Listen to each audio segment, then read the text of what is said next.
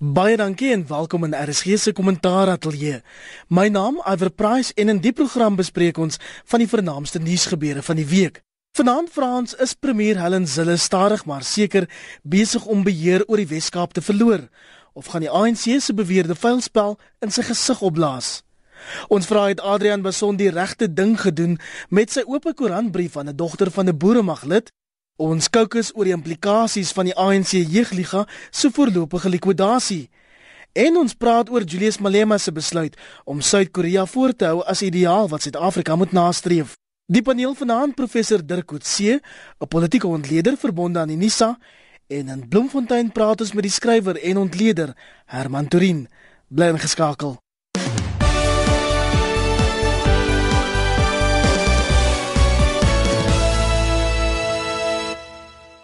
Meneer, kom ons begin in die Wes-Kaap waar die premier Helen Zille die week by 'n staatsgeleentheid uitgejou is en dit terwyl president Jacob Zuma toegekyk het. Mevrou Zille het 'n spreekbeurt gehad by die departement van handel en nywerheid se oorhandigingsplegtigheid van die bedryfslisensie vir die beoogde Saldanha Bay nywerheidsontwikkelingsone. En Dirk die premier is ongelukkig omdat meneer Zuma glo nie 'n vinger verroer het terwyl sy uitgejou is nie. Moes die president die skare stilmaak of moet die premier maar aanvaar dat sy nie oral ewe gewild is nie? Dit was nou 'n moeilike punt om direk te sê want hy na die tyd nadat sy uitgestap het in sy eie toespraak het hy wel gesê dat mense meer tolerant moet wees teenoor verskillende standpunte en dat hulle ook minderheidsstandpunte moet respekteer. So hoewel hy nie opgestaan het nie, hy is Fransman het dit blykbaar gedoen, maar dit het geen effek op die gehoor gehad nie. Ek dink die ander aspek wat bykom by hierdie geleentheid en dit is dat dit gelyk het asof dit eintlik 'n ANC geleentheid is omdat baie mense het 'n ANC TMD daar gekry en die feit dat Maurice Fransman die voorsitter van hierdie geleentheid is terwyl hy eintlik niks met handel en nywerheid te maak het nie. Hy is, hy is by internasionale ontwikkeling die adjunkminister. Dit dink ek is die hoofkritiek wat van die DA se kant kom is dat dit 'n mate van 'n georkestreerde ANC geleentheid was en dat dit nie 'n geleentheid 'n openbare staatsgeleentheid was waarby sy as premier en president Zuma as nasionale president moes optree en nie in hulle party hoedanighede nie. So dit dis die komplikasies, maar ek dink ons gaan dit nog vorentoe sien in die verkiesingsveld tog wat nou besig is om stoom op te tel.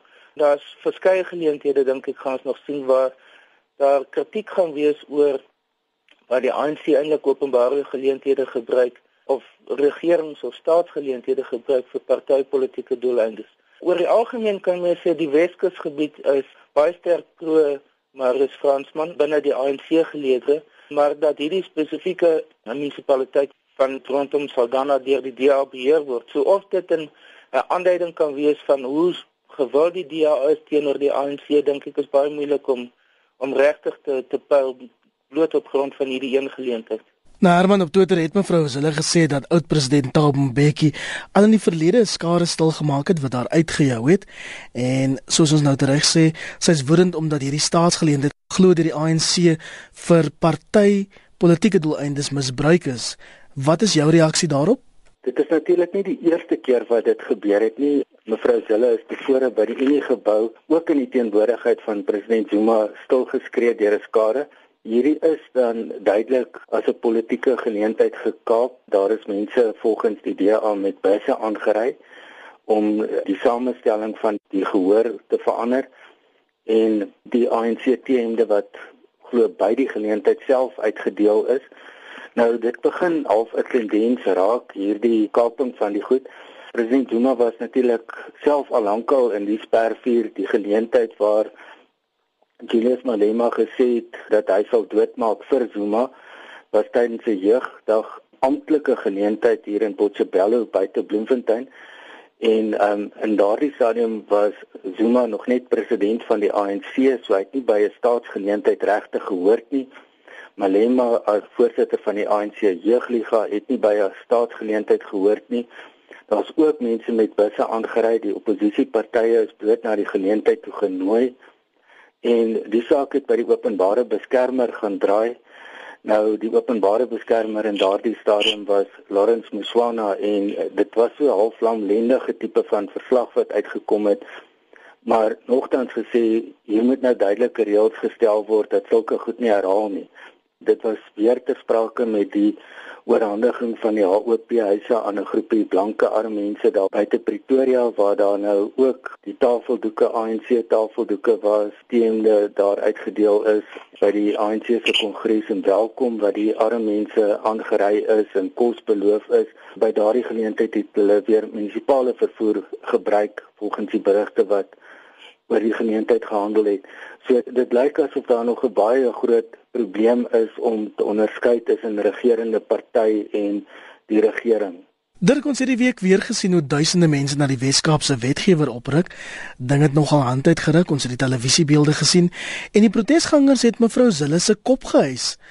Is sy in die DA dalk besig om beheer oor die provinsie te verloor? Nee, ek dink nie so nie. Ek, ek dink dit is weer eens deel van die opbou na die verkiesing toe. Die ANC het in die vorige verkiesing amper 15% steun verloor. Het toegestaan op naaste by 31%, die DA 20% meer, wat die, die grootste gaping tussen die twee partye sedert 1994 is.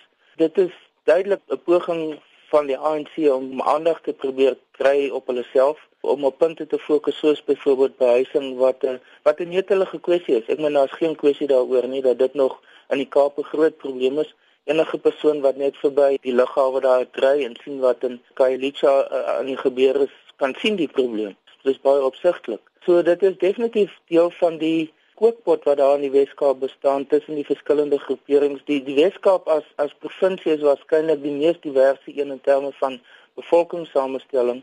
Dit is ook die een wat in 'n groot mate polities die meeste gepolariseer is. En ek dink dit is wat ons nou onder andere sien met hierdie insident die vroeëre een ook in in die middestad van Kaapstad waar die ANC probeer om alternatiewe pogings te gebruik, nie die gewone politieke metodes nie om hulle saak te probeer stel om te probeer media aandag kry veral en om uiteindelik te sê wel ons is nie verslaan deur die DA nie, maar ons is nog steeds 'n faktor. Dit is natuurlik baie belangrik vir iemand soos Marius Fransman om onder sy leiding 'n herstelpoging tot stand te bring vir die uh, eh, ANC omdat hulle so sleg verloor het in 2009. Dis die agtergrond of die konteks waarbinne mense hierdie hierdie optrede moet verstaan. Volgende jaar se verkiesing gaan baie interessant wees om te sien of die DA nog steeds gaan groei of hulle bestaande steun kan behou want die 2009 verkiesing is in 'n groot mate herhaal in 2011 met die plaaslike verkiesing. Dis 'n tendens wat nou oor tyd ontwikkel het is dat die die nasionale verkiesing maak gewoonlik die eerste skuif en dan die plaaslike verkiesings volg daarop. Die groot vraag is nou of die volgende nasionale verkiesing wat volgende jaar plaasvind 'n verdere skuif kan teweegbring en uh, dit is een van die interessante punte wat ons met die verkiesing gaan sien. En in dieselfde asem moet 'n mens noem dat die Weskaapse ANC nie juis oor sterk leierskap besit nie. Marius Fransman is toenemend ongewild en dit lyk of randfigure binne die party groter invloed het op spesifiek daai arm mense, die arm kiesers waarna Dirk nou net verwys het, Herman. Ja, kyk die ANC het veral na daardie hofsaak van die DKD solidariteit begin het, het hulle redelik probeer werk daarvan maak om die breinkiesers meer gerus te stel. Um, Natisi Duarte het 'n paar veldtogte in die Weskaap gaan loods en so probeer hulle regtig om vervreemding teen te werk. Maar die hele kwessie rondom hierdie optrede wat nou um die, die op geweld en plundering uitgeloop het, die ANC jeugliga het dit baie gou veroordeel. Maar teen daardie aand kon die media nog nie 'n reaksie van die ANC self kry nie eers die volgende dag het 'n mens nou gesien dat die ANC dit veroordeel het. Dit is nogal interessant dat hierdie soort van aktiwiteit waar iets veroordeel word, maar dit wat plaasvind laat tog die soeklig val op dit wat kwelpunte is. Dit is 'n ou verskynsel wat onder andere het mense in Noord-Ierland gesien waar die Sinn Fein nie amptelik verbind is met die dade wat die Ierse Republikeinse leer gepleeg het nie, maar tog die politieke vleuel van die Ierse Republikeinse leer was. En so kan die ANC nou ook sê maar dis geskorste lede wat hierdie storie aangehits het. Maar in die breë pas dit tog in 'n prentjie van die provinsie probeer bevry soos uh, dit is die ANC se uitdrukking teenoor waar hulle nou ontken dat hulle dit probeer onregeerbaar maak. Maar in die kultuur van protes is dit baie duidelik dat hier 'n soort van 'n patroon plaasvind al is dit nie georkestreer nie. En dit gaan hierdie verkiesing verskriklik moeilik maak want Dirk is heeltemal reg oor die kontras in die Wes-Kaap en dit word maklik uitgebuit. En dit is 'n wederwysige propaganda oorlog. Aan die een kant word gepraat van die vlugtelinge wat na die Wes-Kaap toe kom wat die ANC verskriklik ontstel. Die ANC praat van die Wes-Kaap bevry wat die DA geweldig ontstel. Uiteindelik is die kiesers tot 'n baie groot mate uitgelewer aan propaganda terwyl die arme mense met werklike fisiese werklikhede sit. En terwyl die gemoedere hoog loop in die Wes-Kaap, het Musi Maimani van die DA in Gauteng sy premiersveld tog bekend gestel. Van die ontleeders voorspel dat die DA moontlik in die Wes-Kaap sal slaag kry, maar tog Gauteng kan wen. Dirk, jou reaksie? Nee, ek dink dis 'n bietjie wensdenk kry op hierdie stadium die gaping tussen die ANC en die DA in die, in die Gauteng is net bloot te groot om binne een verkiesing gesluit te word. Dit is verstaanbaar hoekom die DA konsentreer op Gauteng en dit is omdat dit hulle tweede sterkste provinsie is in terme van die hoeveelheid steun wat hulle daar kry. Mens kan sê byvoorbeeld te loopstad tussen die Weskaap en Gauteng die DA omtrent meer as 60% van al hulle stemme kry. In die ander sewe provinsies saam kry hulle net bietjie meer as as 35% van hulle stemme die Gauteng is definitief 'n konsentrasiepunt van die DA, maar die gaping tussen die twee partye is steeds te groot dink ek om om dit wesentlik te kan sluit. Ek meen daar, daar kan moontlik kan daar kan die DA nog steeds steun wen, maar dit is nie dat dit sou beteken dat hulle die ANC kan verplaas nie. Die ANC se meerderheid in die in Gauteng is die tweede laagste na KwaZulu-Natal waar dit die laagste is, maar dit is nog steeds rondom 56% wat beteken dat hulle nog steeds 'n redelike buffer het voordat hulle in 'n byvoorbeeld in 'n koalisieregering sal moet ingaan. So ek dink op, op grond daarvan dit is definitief deel van 'n verkiesingsretoriek wat nodig is vir die DA om te kan wys dat hulle besig is om te groei.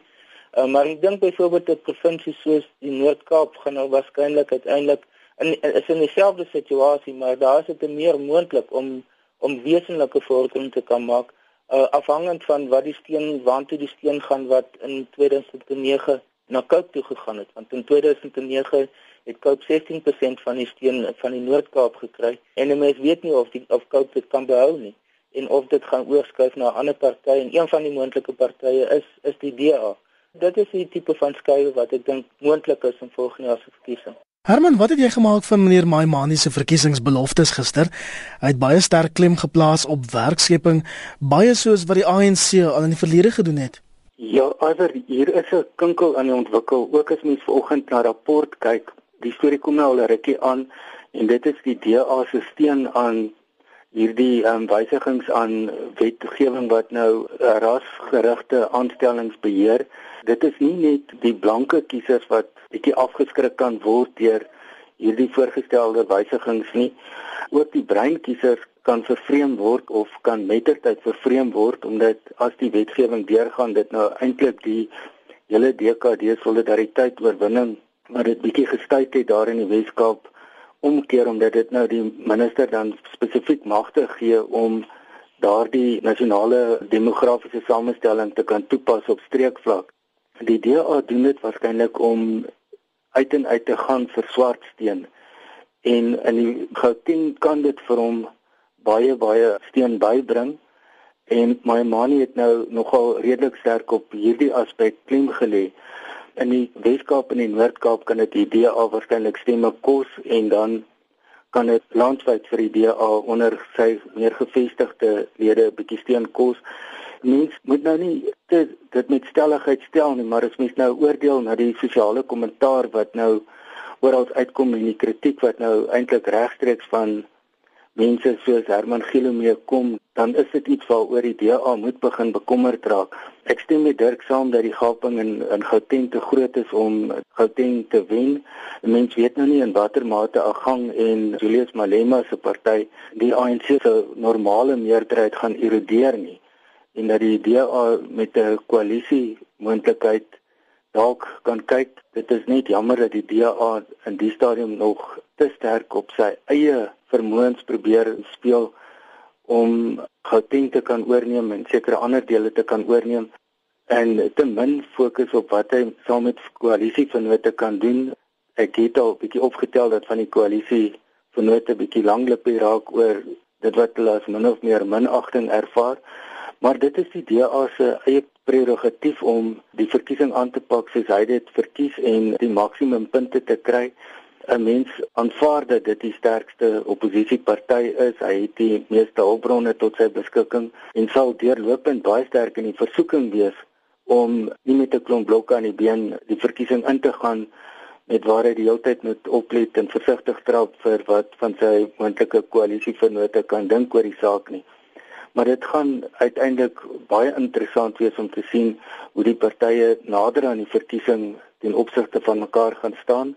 Julius Malema se party het natuurlik vanoggend nou 'n groot opstoot gekry met dit dat Dalim Mpofu by hulle aangesluit het en dit maak so 'n bietjie 'n dinamika verskil aan die aanloop na hierdie verkiesing. En ons beweeg nou na die ANC jeugliga se voorlopige likwidasie die week en dit weens agterstallige skuld van 15 miljoen rand. 'n Beslote korporasie, Z2 Presentations, sê die jeugliga skuld om geld vir dienste gelewer by sy Bloemfontein se kongres in 2008. En Dirk, dis hy selfe kongres waar Julius Malema tot leier verkies is. Kan die ANC jeugliga se voorlopige likwidasie die groter party nog skade berokken? Ek dink mens moet so 'n van 'n tegniese onderskeid hier maak en dit is dat die dit nie oor die jeugliga per se gaan nie, maar eintlik oor die jeugliga as 'n regsentiteit en as 'n entiteit om op te tree soortgelyk aan 'n maatskappy wat sy eie finansiële besluite kan neem.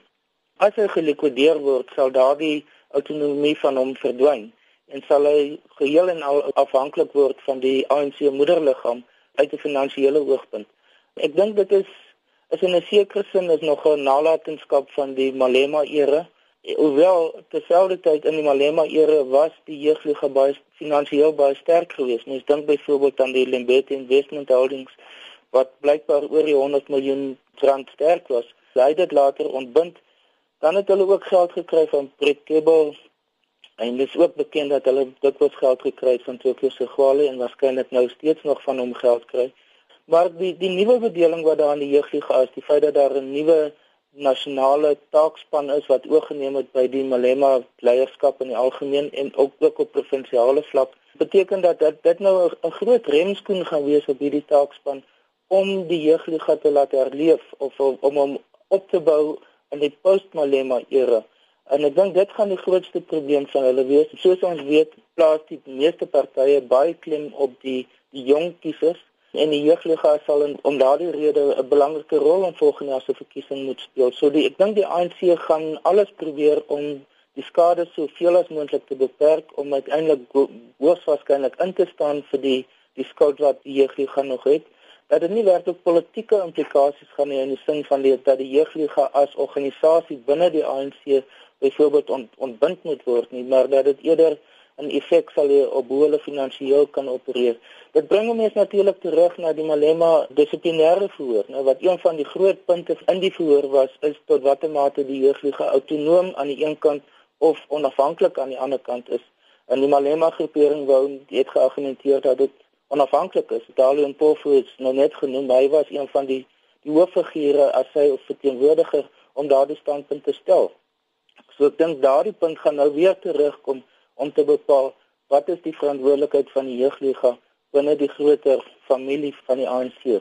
Maar ons weet die ANC beskou die jeugliga as 'n aparte entiteit en wil nie aanspreeklikheid vir daai skuld aanvaar nie. Dis tog nie so eenvoudig nie, Herman. Ja, die groot ding is dat met hierdie um, voorlopige sekwestrasie, soos ek dit verstaan, gaan die boekhouding nou op die tafel kom en sal die mense nou sien wat het van die fondse geword, is dit na die ANC toe oorgeplaas as fondse vervreem is na die ANC toe en die diensverskaffer dan nou uiteindelik hierdie 15 miljoen rand skade gaan lei en 'n mens kan aflei dat daar eintlik 'n hele klomp ander skuldeisers teenoor 2008 op die toneel sal kom, dan gaan dit vir die ANC geweldige skade lei in terme van sy reputasie as 'n betalende of dan 'n instansie wat sy rekenings betaal en gaan daar waarskynlik in die toekoms nou bietjie moeiliker wees om om groot geleenthede op rekening aan te bied as daar 'n gevaar loop dat die instansies nie die geld gaan kry nie. As die geld letterlik gesteel is, sal dit waarskynlik ook nou op die lappe kom en sal hulle dan waarskynlik kan bepaal wie dit is. Daar wil mense nou nie te ver vooruitloop en en bespiegel wie moontlik nou met die geld in die hand kan sit nie. Of daardie geld nog hoegenaamd bestaan het, maar as dit na iemand toe is, is daardie persoon se politieke loopbaan waarskynlik nou netjies nek omgedraai.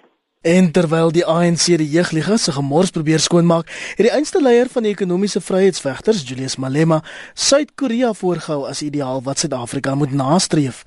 Dirk, wat het jy daarvan gemaak? Ja, dis 'n baie interessante kontradiksie wat tot stand kom daai. Dit is 'n stuk in die beeld geskryf waarin hy eintlik verwys na wat sy EFF se visie vir Suid-Afrika is. Um, en wat interessant is is dat daar dit geensins verwys na sy meer linksradikale standpunte nie. En uh, vroeër het hulle in 'n tipe van 'n manifest daar gepraat van dat die EFF 'n marxisties-leninistiese beweging is wat ook idees uit Frans Fanon uithaal, maar hier word presies teenoorgestelde van gepraat. Hy praat van Suid-Afrika as 'n as 'n land wat op industriële ontwikkeling moet staatmaak, wat op leierskap moet staatmaak, wat op die ontwikkeling van wetenskap en tegnologie moet staatmaak En en dan gebruik ek Korea as een van die beste voorbeelde daarvoor vir al die industrialisering wat plaasgevind het in Korea en ook die politieke leierskap wat daar gegee is. Ten spyte van alles wat mense sê, is hierdie ontwikkeling in Korea plaasgevind terwyl dit 'n eenpartytstaat was. Dit was 'n totaal ondemokratiese situasie waarbinne hierdie hoë groeikoers vir 'n hele lang periode volhou is. Terselfdertyd was dit binne 'n kapitalistiese raamwerk wat dit plaasgevind het, 'n vrye markstelsel amper soortgelyk as wat ons op die oomblik in China sien. En dit is ook wat in dieselfde kategorie as lande soos Maleisië en Singapore en Taiwan en Hong Kong en vir die sogenaamde Pacific Rim of die Asian Tigers. So om Suid-Korea dis uit te lig as 'n voorbeeld is eintlik presies die teenoorgestelde van wat hy in die verlede gesê het en dis om te praat van 'n van 'n sosialistiese bedeling of van 'n bedeling waarin daar nasionalisering sal plaasvind. En hier praat hy van Korea as 'n voorbeeld wat uit die vrye mark raamwerk kom, uit die vrye mark bedeling uitkom. Dis interessant dat hy dus hierdie verskillende voorbeelde gebruik. Ek dink wat mense kan aflei dit alles uit is dat binne die EFF daar verskillende standpunte is.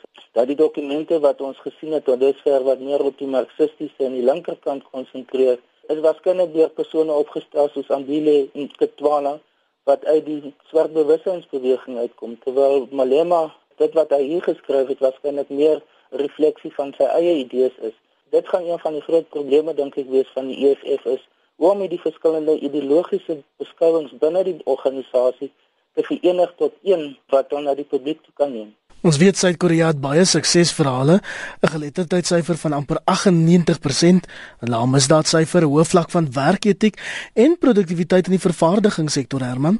Kyk, die interessantheid is dat met die verdeling van Noord-Korea en Suid-Korea, destyds onder Japaneese beheer het die hele industrialisasie eintlik in die noorde van die land plaasgevind.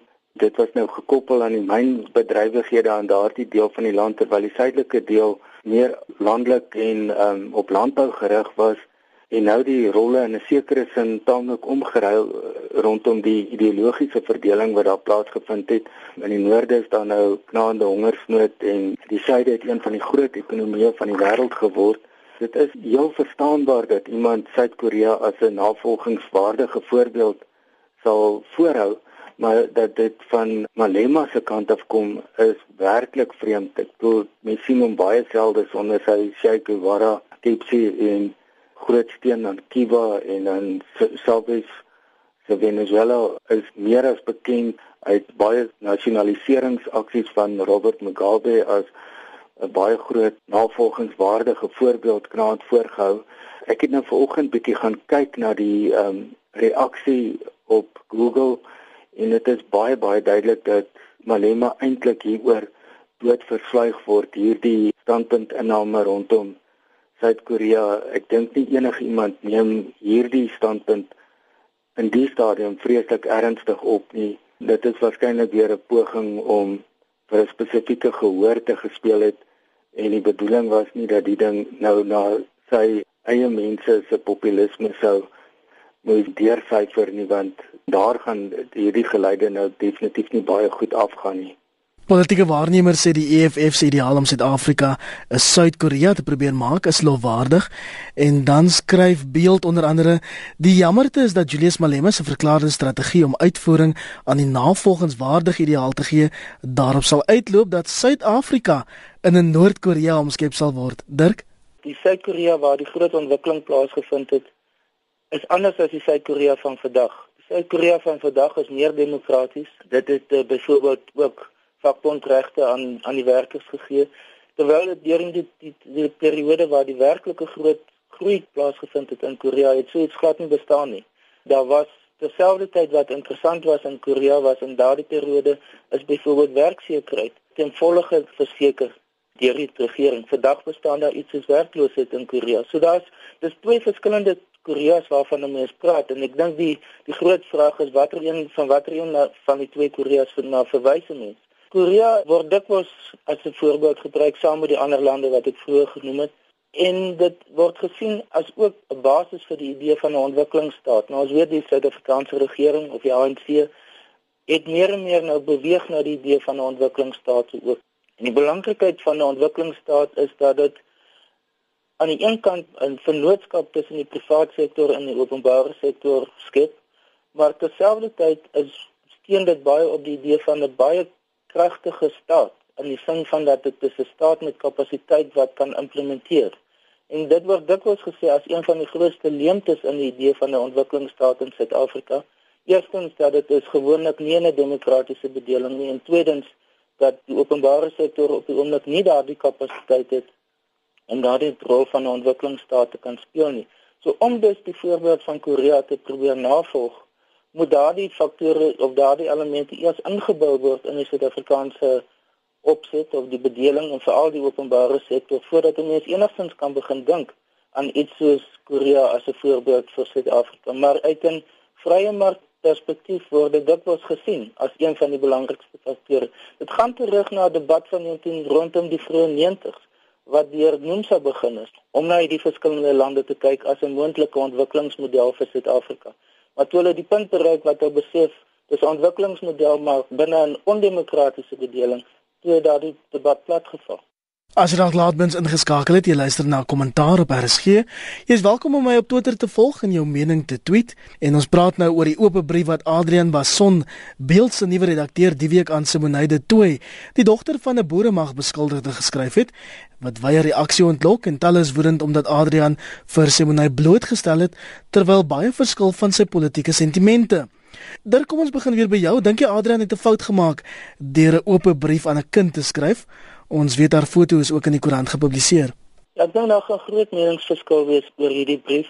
Eerstens dink ek is dit moeilik, miskien moet ek sê is die idee van 'n oop brief is gewoonlik dat daar 'n moontlikheid van 'n kommunikasie, van 'n dialoog kan wees. In hierdie geval dink ek is dit hoogs onwaarskynlik dat so iets sou plaasvind. Ek sou byvoorbeeld gedink het dat dit meer van pas sou gewees het as hy byvoorbeeld sommige van die beskuldigdes of die wat nou gefonnis is in die boeremag uh, dat hy eerder 'n brief aan hulle gerig het, maar om aan dit aan, aan een van hulle kinders dit te doen, dink ek is in 'n sekere sin is meer op amper se emosioneel van aard en dit is nie dat dit die werklike essensie van die van die vraagstukke raak nie. Een van die punte wat vir my moeilik is om te kan regverdig is die feit dat dit lyk asof daar 'n mate van meningsverskil bestaan oor wat werklik die essensie van die boere mag verhoor was en dat daar in sommige gevalle selfs 'n mate van simpatie vir hulle bestaan. Nou, dit enige persoon het die reg om dit te kan hê, maar terselfdertyd is daar dink ek word uit die oog verloor dat dit nie in 1994 is om in die tyd toe die AWB hulle sabotasie gepleeg het, um, byvoorbeeld by die toe nog Jan Smuts lughawe nie maar dat dit in 2002 was, omtrent 8 jaar na die 1994 verkiesing dat daar reeds 'n verloop van tyd was waarin mense kon sien hoe die nuwe Suid-Afrika besig is om te ontwikkel. En dieselfde mate van onsekerheid en vrees wat daar in 1994 was, nie meer in 2002 was nie. En om dus op daardie moment 'n terreurveldtog te beplan wat neergekom het op sabotasie en terreur, is dit kwalitatief heeltemal iets anders, want dit is nie net dat dit onwettig is nie, maar dit was eintlik anti-konstitusioneel geweest. Dit was daarop gemik om die Suid-Afrikaanse konstitusionele bedeling omver te werp. En ek dink om 'n brief te probeer skryf, skryf wat 'n sekere element van menswaardigheid aan daardie hele konteks kan gee, dink ek persoonlik is problematies. En dat daar moet in 'n sekere sin sou ek sê eerder 'n konteks geskep word oor wat presies is die implikasies van die boeremag en die die vonnis wat die boeremaglede nou gekry het binne die groter konteks van die Suid-Afrikaanse konstitusionele bedeling. Net ons maak 'n onderskeid tussen loyale en disloyale oppositie. Ons kan selfs praat van dis van loyale verset soos wat MP van Wetlow vandag daaroor gepraat het. Hierdie was definitief 'n geval van disloyale oppositie dat hulle die politieke bedeling en die konstitusionele bedeling in beginsel verwerp het. Terwyl bewegings soos byvoorbeeld die Vryheidsfront Plus en ander groeperings die konstitusionele bedeling in wese aanvaar en aan verkiesings deelneem, maar die politieke rigting van byvoorbeeld die ANC opponeer. So ek dink dit is die tipe van konteks wat nodig is wat dan die publiek ook teëgegee moet word en wat nie in hierdie oop brief deurkom nie. Herman, wat was jou eerste reaksie toe jy daai brief gelees het? My eerste reaksie was 'n tipe van 'n ontboezeming dat, dat daar nou nuwe persepsies deurgekom het oor hoe kinders ook geraak word deur sake waarby ouers betrokke is. Heel toevallig was ek bewus van een van die ander beskuldigdes hoe sy kinders destyds na hulle pa gearresteer is by die skool gespot is oor hulle pa wat nou tronkvol is en die soort van dinge. So daar is 'n geweldige emosionele saak by so iets betrokke en dit is doeteenvoudig nie regverdig dat die kinders nou saam gestraf word nie. Dit is 'n eintlik 'n noodwendige implikasie ongelukkig omdat daar verlies aan inkomste, versorging en dis meer sy is. Dit is 'n baie slegte deel van hoe strafreg in Suid-Afrika nou onbedoelde effekte het.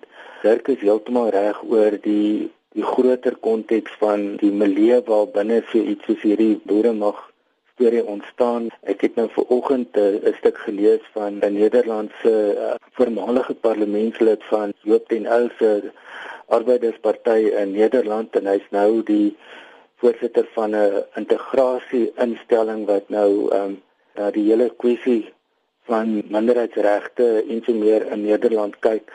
Dit volg nou kort nadat die Europese Raad Nederland nou uitgewys het as 'n land wat nou baie populisties en nasionalisties word en uh, harde terme beteken dit nou eintlik Nederland het nou meer rassisties geword en is nou dan tegnies die mees rassistiese land in Europa wat nou nogal 'n ironie is, maar die wyse waarop die meerkundige mense daar reageer op hierdie tipe aannames en stellings is nogal interessant terugvoer na die kwessie van vervuiling en dat daar nou meer fokus gestel moet word op die beskerming van minderheidsregte as wat alles nou bloot deur 'n vermengingskultuur soos die integrasie van skole en so meer bewerkstellig moet word. Maar dit is nou die Nederlandse debat maar dit vind nou ook in Kalifornië met die skole daar plaas wat nou nogal baie betrekking het op die sienings wat die rektor hier in um, Jonathan Jansen het oor hoe die groep uiteindelik meer begrip moet hê. Maar die kort en die lang boodskap is dat almal betrokke moet daarvan werk maak om die pool van goedgesindheid te verbreek en dit sluit ook die regering in wat moet ophou met maatreëls wat uiteindelik daartoe lei dat sekere gemeenskappe vervreemd raak en hierdie idee van vervreemding is nie meer iets wat net tot randakkers beperk is nie. Mense het dit baie duidelik gesien met die um sosiale debat wat rondom die BBB plaasgevind het op op die internet en dan die hervormde kerk het onlangs 'n dag van verootmoediging gehad en dit het nou gehandel oor die droogte en plaasmoorde en 'n hele klomp goed maar onder andere ook oor die vervreemding in eie land wat baie van die lidmate ervaar. So dit is 'n kwessie wat baie ernstige aandag moet moet geniet en politici aan die hele spektrum moet bedag wees op hoe hulle uitsprake dit wat hulle in wetgewing probeer giet die hele maatskaplike samelewing raak en uiteindelik tot hierdie tipe van aktiwiteite lei. 'n mens moet onthou dat hier is baie grondliggend tot die boeremag storie is ook by baie van die lede 'n sterk godsdienstige element. En dit is nou miskien 'n godsdienstige vertolking waarmee die hoofstroom Christendom nie saamstem nie, maar as dit oor godsdienst gaan, gaan dit oor 'n baie baie diep oortuiging. En om mense tronk te stuur te veroordeel sleg te sê die soort van dinge vir daardie mense uh, is dit maar net so vet in die vuur. En so kan 'n mens dan uiteindelik verwag dat hierdie situasie net gaan herhaal en herhaal in plaas van dat dit opgelos word Ek het Adrian se oop brief nogal aangrypend gevind net terwyl van die luisteraars wat dit dalk nie gelees het nie. Ehm um, dit lees onder meer Ek weet nie in watter skool jy is nie, Simonay, maar ek glo jy het in dit al geleer en gelees oor Suid-Afrika se geskiedenis en oor Mandela. Jy is deel van die Born Free generasie, soos die media en bemarkers verwys na kinders wat na 94 gebore is.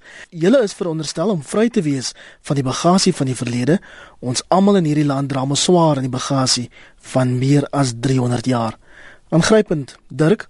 Ja, nee, dit is en dit, en dit kan niemand ontken nie. En ek ek dink as jy mense dit saamlees met die foto wat geplaas is, dan is dit iets wat 'n uh, eh, ek dink meeste mense kan aanraak of spreek tot hulle.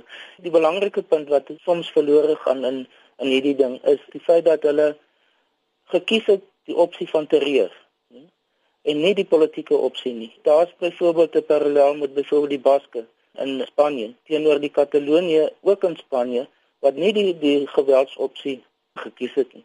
Die boere mag of die die beplande staatsgreep en die terreurveldtog wat daarmee saamgegaan het. Die implikasie daarvoor was is nie net om beswaar te maak teen kulturele aspekte en so maar om eintlik terug te anker na 'n ou bedeling wat in wese ondemokraties was.